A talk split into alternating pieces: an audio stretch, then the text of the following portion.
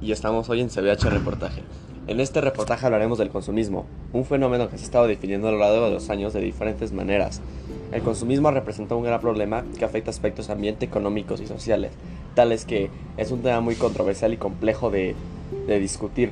Los dejaré con nuestro experto Mateo Romo para que nos explique un poco. Primero que nada, ¿qué es el consumismo? El consumismo es considerada una doctrina o creencia que incita a las personas a un consumo irresponsable o sobreconsumo de productos materiales. Esto se usa como una forma para alcanzar la satisfacción personal. Muchas personas lo catalogan como el hecho de gastar dinero de manera excesiva en cosas innecesarias. Sin embargo, es un tema muy complejo, especialmente en sociedades que utilizan un sistema capitalista. ¿Pero dónde viene el consumismo?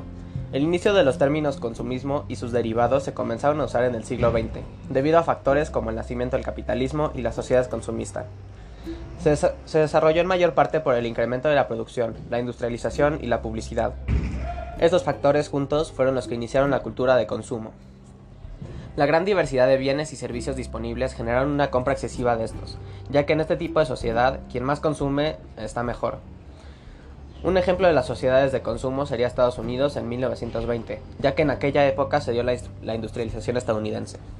Sin embargo, en este caso, fue el consumismo y la sobreproducción que causaron la Gran Depresión, una crisis económica que duraría varios años. Hoy en día las principales causas del consumismo es la facilidad de pago, la adquisición de tarjetas de crédito, cupones, promociones y demás. En conjunto, la publicidad juega un papel importante en las personas, ya que les da a conocer productos mucho más fácilmente. Pero incluso juegan un papel de presión y chantaje, haciendo creer que si compras sus productos serás más feliz. Adjunto a esto, la baja durabilidad y calidad de los productos hace que las personas se vean obligadas a tener que comprar una nueva en poco tiempo. Las principales consecuencias se ven reflejadas en la economía, ahorros y contaminación, ya que la, la, mayor consecuencia es la explotación excesiva de recursos naturales y la generación sin precedentes de residuos. Hoy en día la mayor parte de contaminación mundial proviene de actividades relacionadas a las sociedades consumistas.